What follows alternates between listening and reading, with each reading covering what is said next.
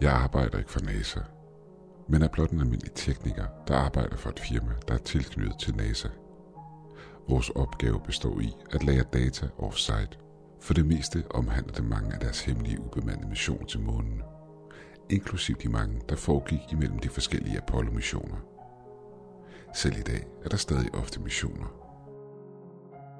Som du nok kan forestille dig, arbejder vi i det skjulte, da vi trods alt er en nødvendig del af hele rumprogrammet og den administrative dels infrastruktur. Men nu da du er up to date med, hvad det er, jeg arbejder med, kan jeg fortælle dig om lokalet. Eller mere præcis, rum 371. Eller retter opsynsmandens kontor. Det har altid haft en snært af mystik omkring sig. Både jeg selv og andre medarbejdere har været derinde – hvor vi har efterladt låste USB-drev med følsomme information til opsynsmanden, så han kunne uploade dem til databasen. Ser du, den eneste computer i det rum er et offline-arkiv, der indeholder de fleste af NASA's beskidte hemmeligheder. Ting, vi ikke kan risikere kommer ud i tilfælde af, at databasen bliver hacket. Skulle det ske, at nogen prøver at hacke vores online mainframe, vil de kunne finde filer, der indeholder information, der allerede er kendt af den brede offentlighed. De fleste af de informationer, jeg arbejder med, er kedelige statistiske analyser. De virkelig interessante og kontroversielle informationer bliver altid sendt direkte til opsynsmanden, så det på den måde ikke bliver sendt igennem folk, der kunne finde på at smugkigge på noget, de ikke var klæret til. Hvilket bringer os frem til dagen i går. Det var en normal afleveringsopgave af færdig data, som skulle smides af på opsynsmandens kontor. Bring USB-drevet til rum 371. Efterlad det på skrivebordet og luk døren, når du forlader rummet. Jeg har gjort det en million gange før. Denne gang gik det dog en smule anderledes. Hans computer stod tændt. Det var underligt. Den plejede altid at være slukket. Da jeg trådte ind i rummet, lagde jeg mærke til den svage glød fra skærmen på væggen bag skrivebordet. Den var tændt.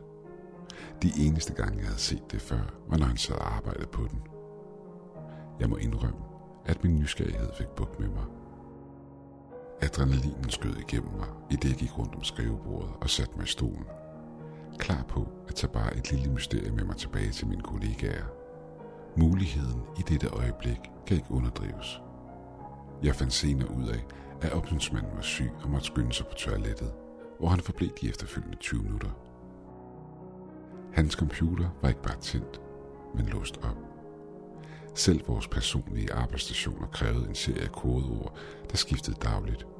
Kodeord, vi brugte de første 10 minutter af en hvilken som helst arbejdsdag på at dekryptere. Dette var den eneste chance, jeg havde for at forstyrre min nysgerrighed og grave lidt efter nogle af de hemmeligheder, NASA gemte på. Jeg vidste, der måtte være noget i databasen, der ville udløse et gisp, eller også efterlade mig mundlam. Noget, der ville få mig til at huske tilbage på den dag resten af mit liv.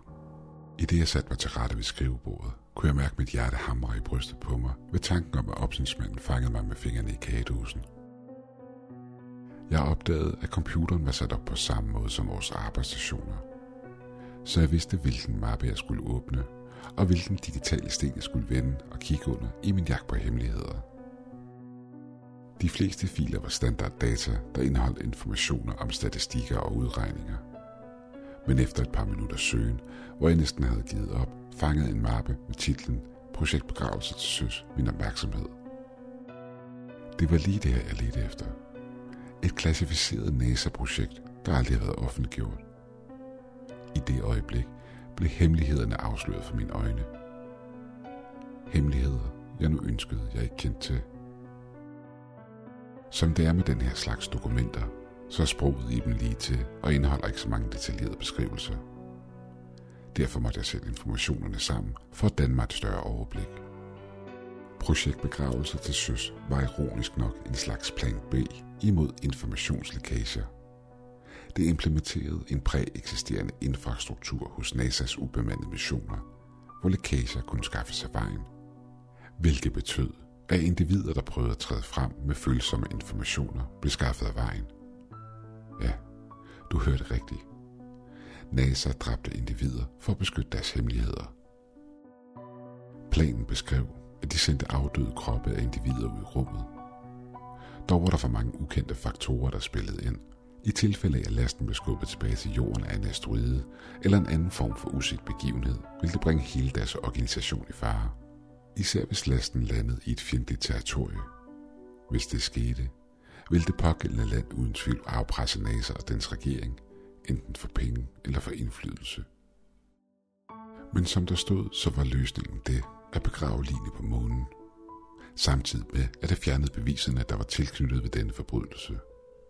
De mennesker, der forsvandt, udgjorde en meget lille procentdel af NASA's arbejdsstyrke, så de forsvundne personers forsvinden kunne knap nok mærkes i det daglige, hvilket fjernede mistanken fra NASA selv. Efter en massiv steriliseringsproces blev kroppen skubbet ind i hulrummene på de ubemandede opsendelser.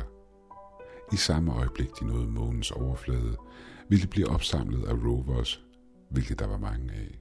Mange flere, end offentligheden er bekendt med. Derefter blev ligene begravet i et krater i et specifikt område på månens mørke side. Med andre ord, massegrave. Senere vil roverne indsamle prøver for at se, hvilken effekt månestøvet havde på den menneskelige krops nedbrydning. Dette havde intet med projektet at gøre, men var blot en lille sidegevinst. Jeg var lamslået.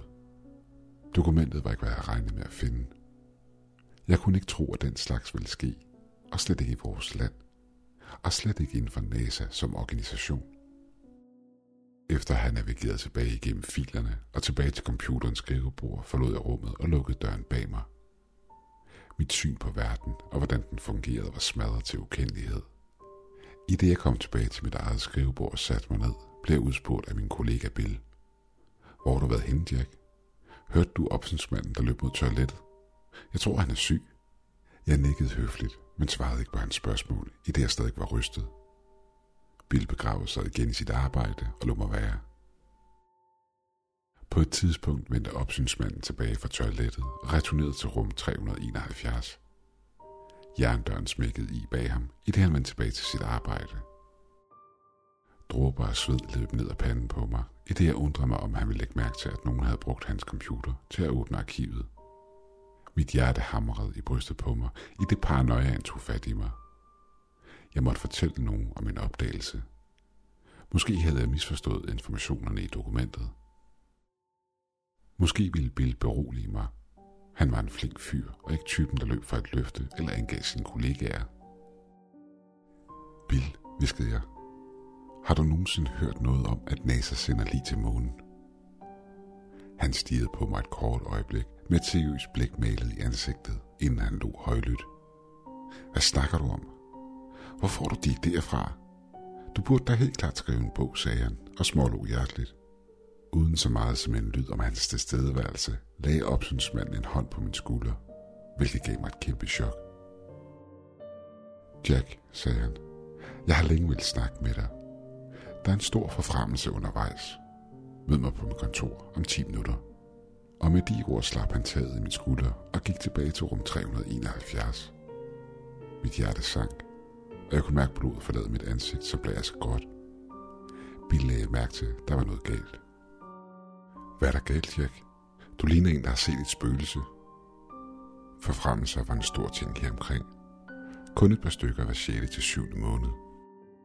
Lisa var sidste år blevet forfrem til supervisor på en af de ubemandede missioner. Vi havde ikke hørt fra hende siden. Jeg vendte mig imod Bill og mødte hans blik. Bill, det har været rart at arbejde sammen med dig. I lige måde, Jack, sagde han, imens han smilende vendte sig imod sin computer igen. 10 frygtelige minutter kom og gik. Tøvende gik jeg hen imod rum 371 og åbnede døren langsomt ind til kontoret, hvor opsynsmanden gestikulerede, at jeg skulle træde nærmere. Kom indenfor og luk døren efter dig og sæt dig ned. Hvad drejer det her så om, spurgte jeg, imens jeg diskret og nervøst hæv efter vejret. Som jeg sagde tidligere, så den forfremmelse. NASA rekrutterer i øjeblikket fra sine underafdelinger for at udfylde et job som supervisor på en af deres ubemandede opsendelser. Og du er blevet valgt til jobbet. Jeg tiltede hovedet en smule på skrå, imens jeg så mistros på ham. Men sir, hvorfor mig? Jeg har intet at vise, der kunne fremskynde sådan en forfremmelse. Han smilede til mig. Der tager du fejl, Jack. Jeg har holdt øje med dig. Vi ved, hvad du har gjort. Du kan ikke længere benægte det. Med et ondskabsfuldt smil rejste han sig fra sit skrivebord og gik over imod mig med udstrakte arme. Hans skygge fyldte rummet, eller det virkede det i hvert fald som om på det tidspunkt. Uden jeg havde lagt mærke til det, var jeg bakket op i et hjørne af rummet, hvor jeg kryb sammen i frygt. Det var her døren ind til kontoret åbnede, og min kollega er væltet ind i rummet.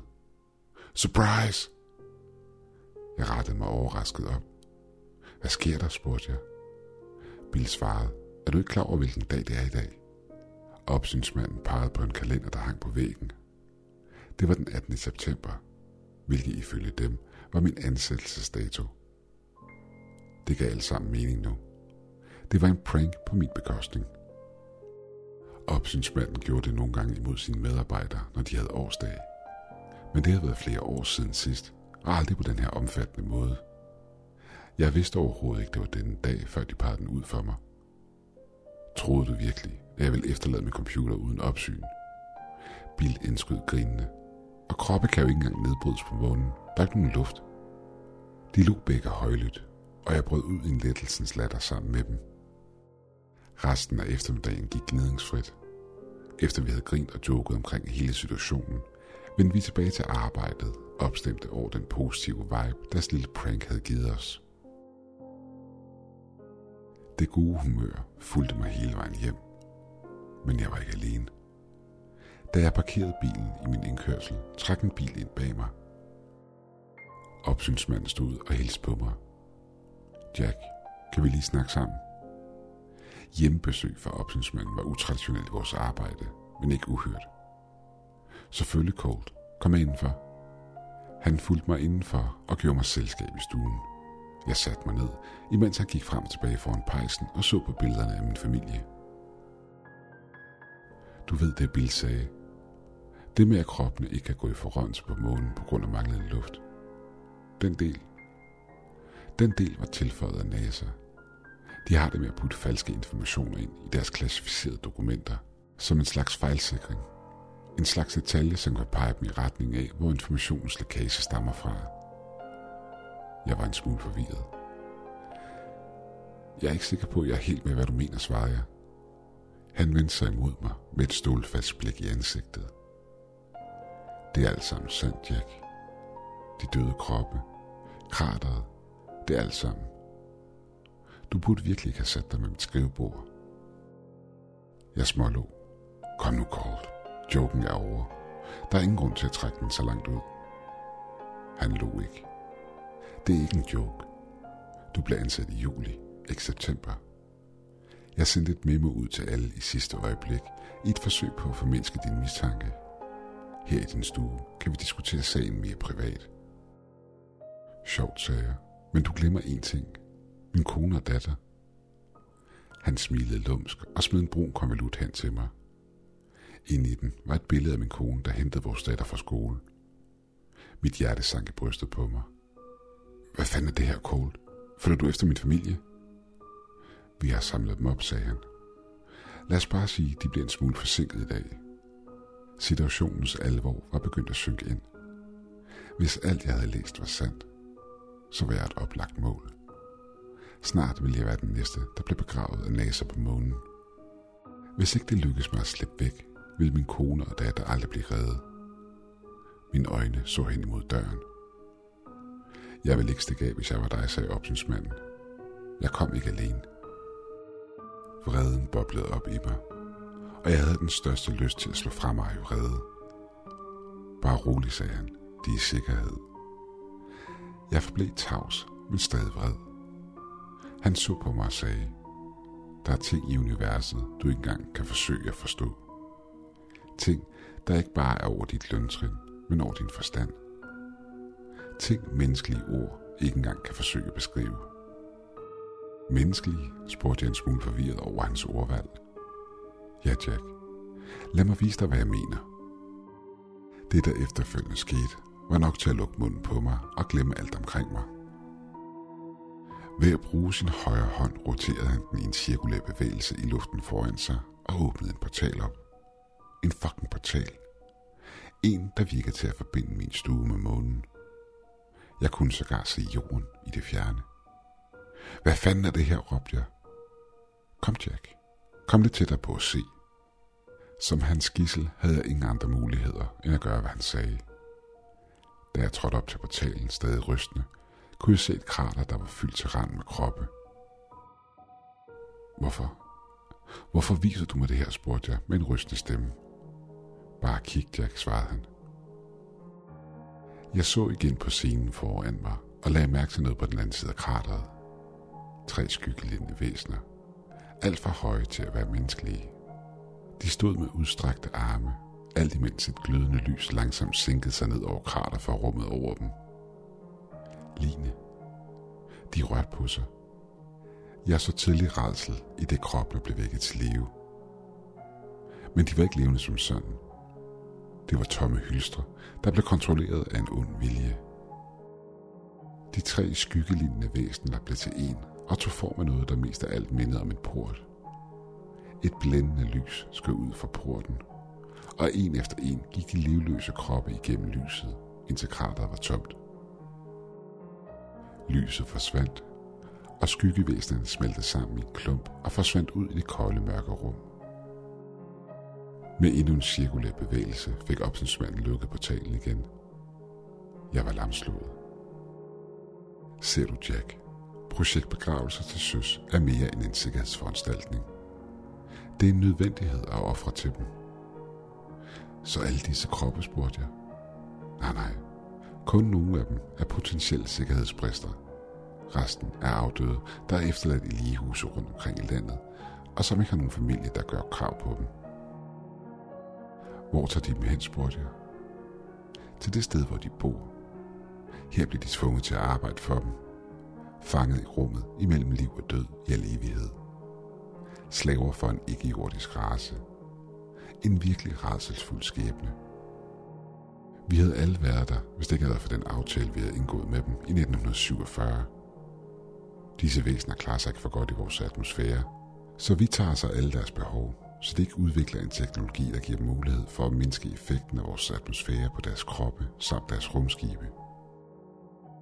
Jeg kunne ikke tro det, jeg hørte. Jeg kan godt lide dig, Jack. Det er derfor, jeg fortæller dig det her. Jeg ønsker, at du forbliver i firmaet. Du er en god mand og en god kollega. Og hvis du ikke ønsker at ende som de stakler på den klump sten, der hænger op på himlen over os, så holder du din mund. Pludselig hørte jeg lyden af en bil, der trak ind i indkørslen. Det ser ud til, at din kone og datter er hjemme igen. Vi inviterede dem blot ud på lidt is. Inden han gik ud og lukkede døren efter sig, vendte han sig imod mig og sagde smilende. Vi ses på mandag, Jack.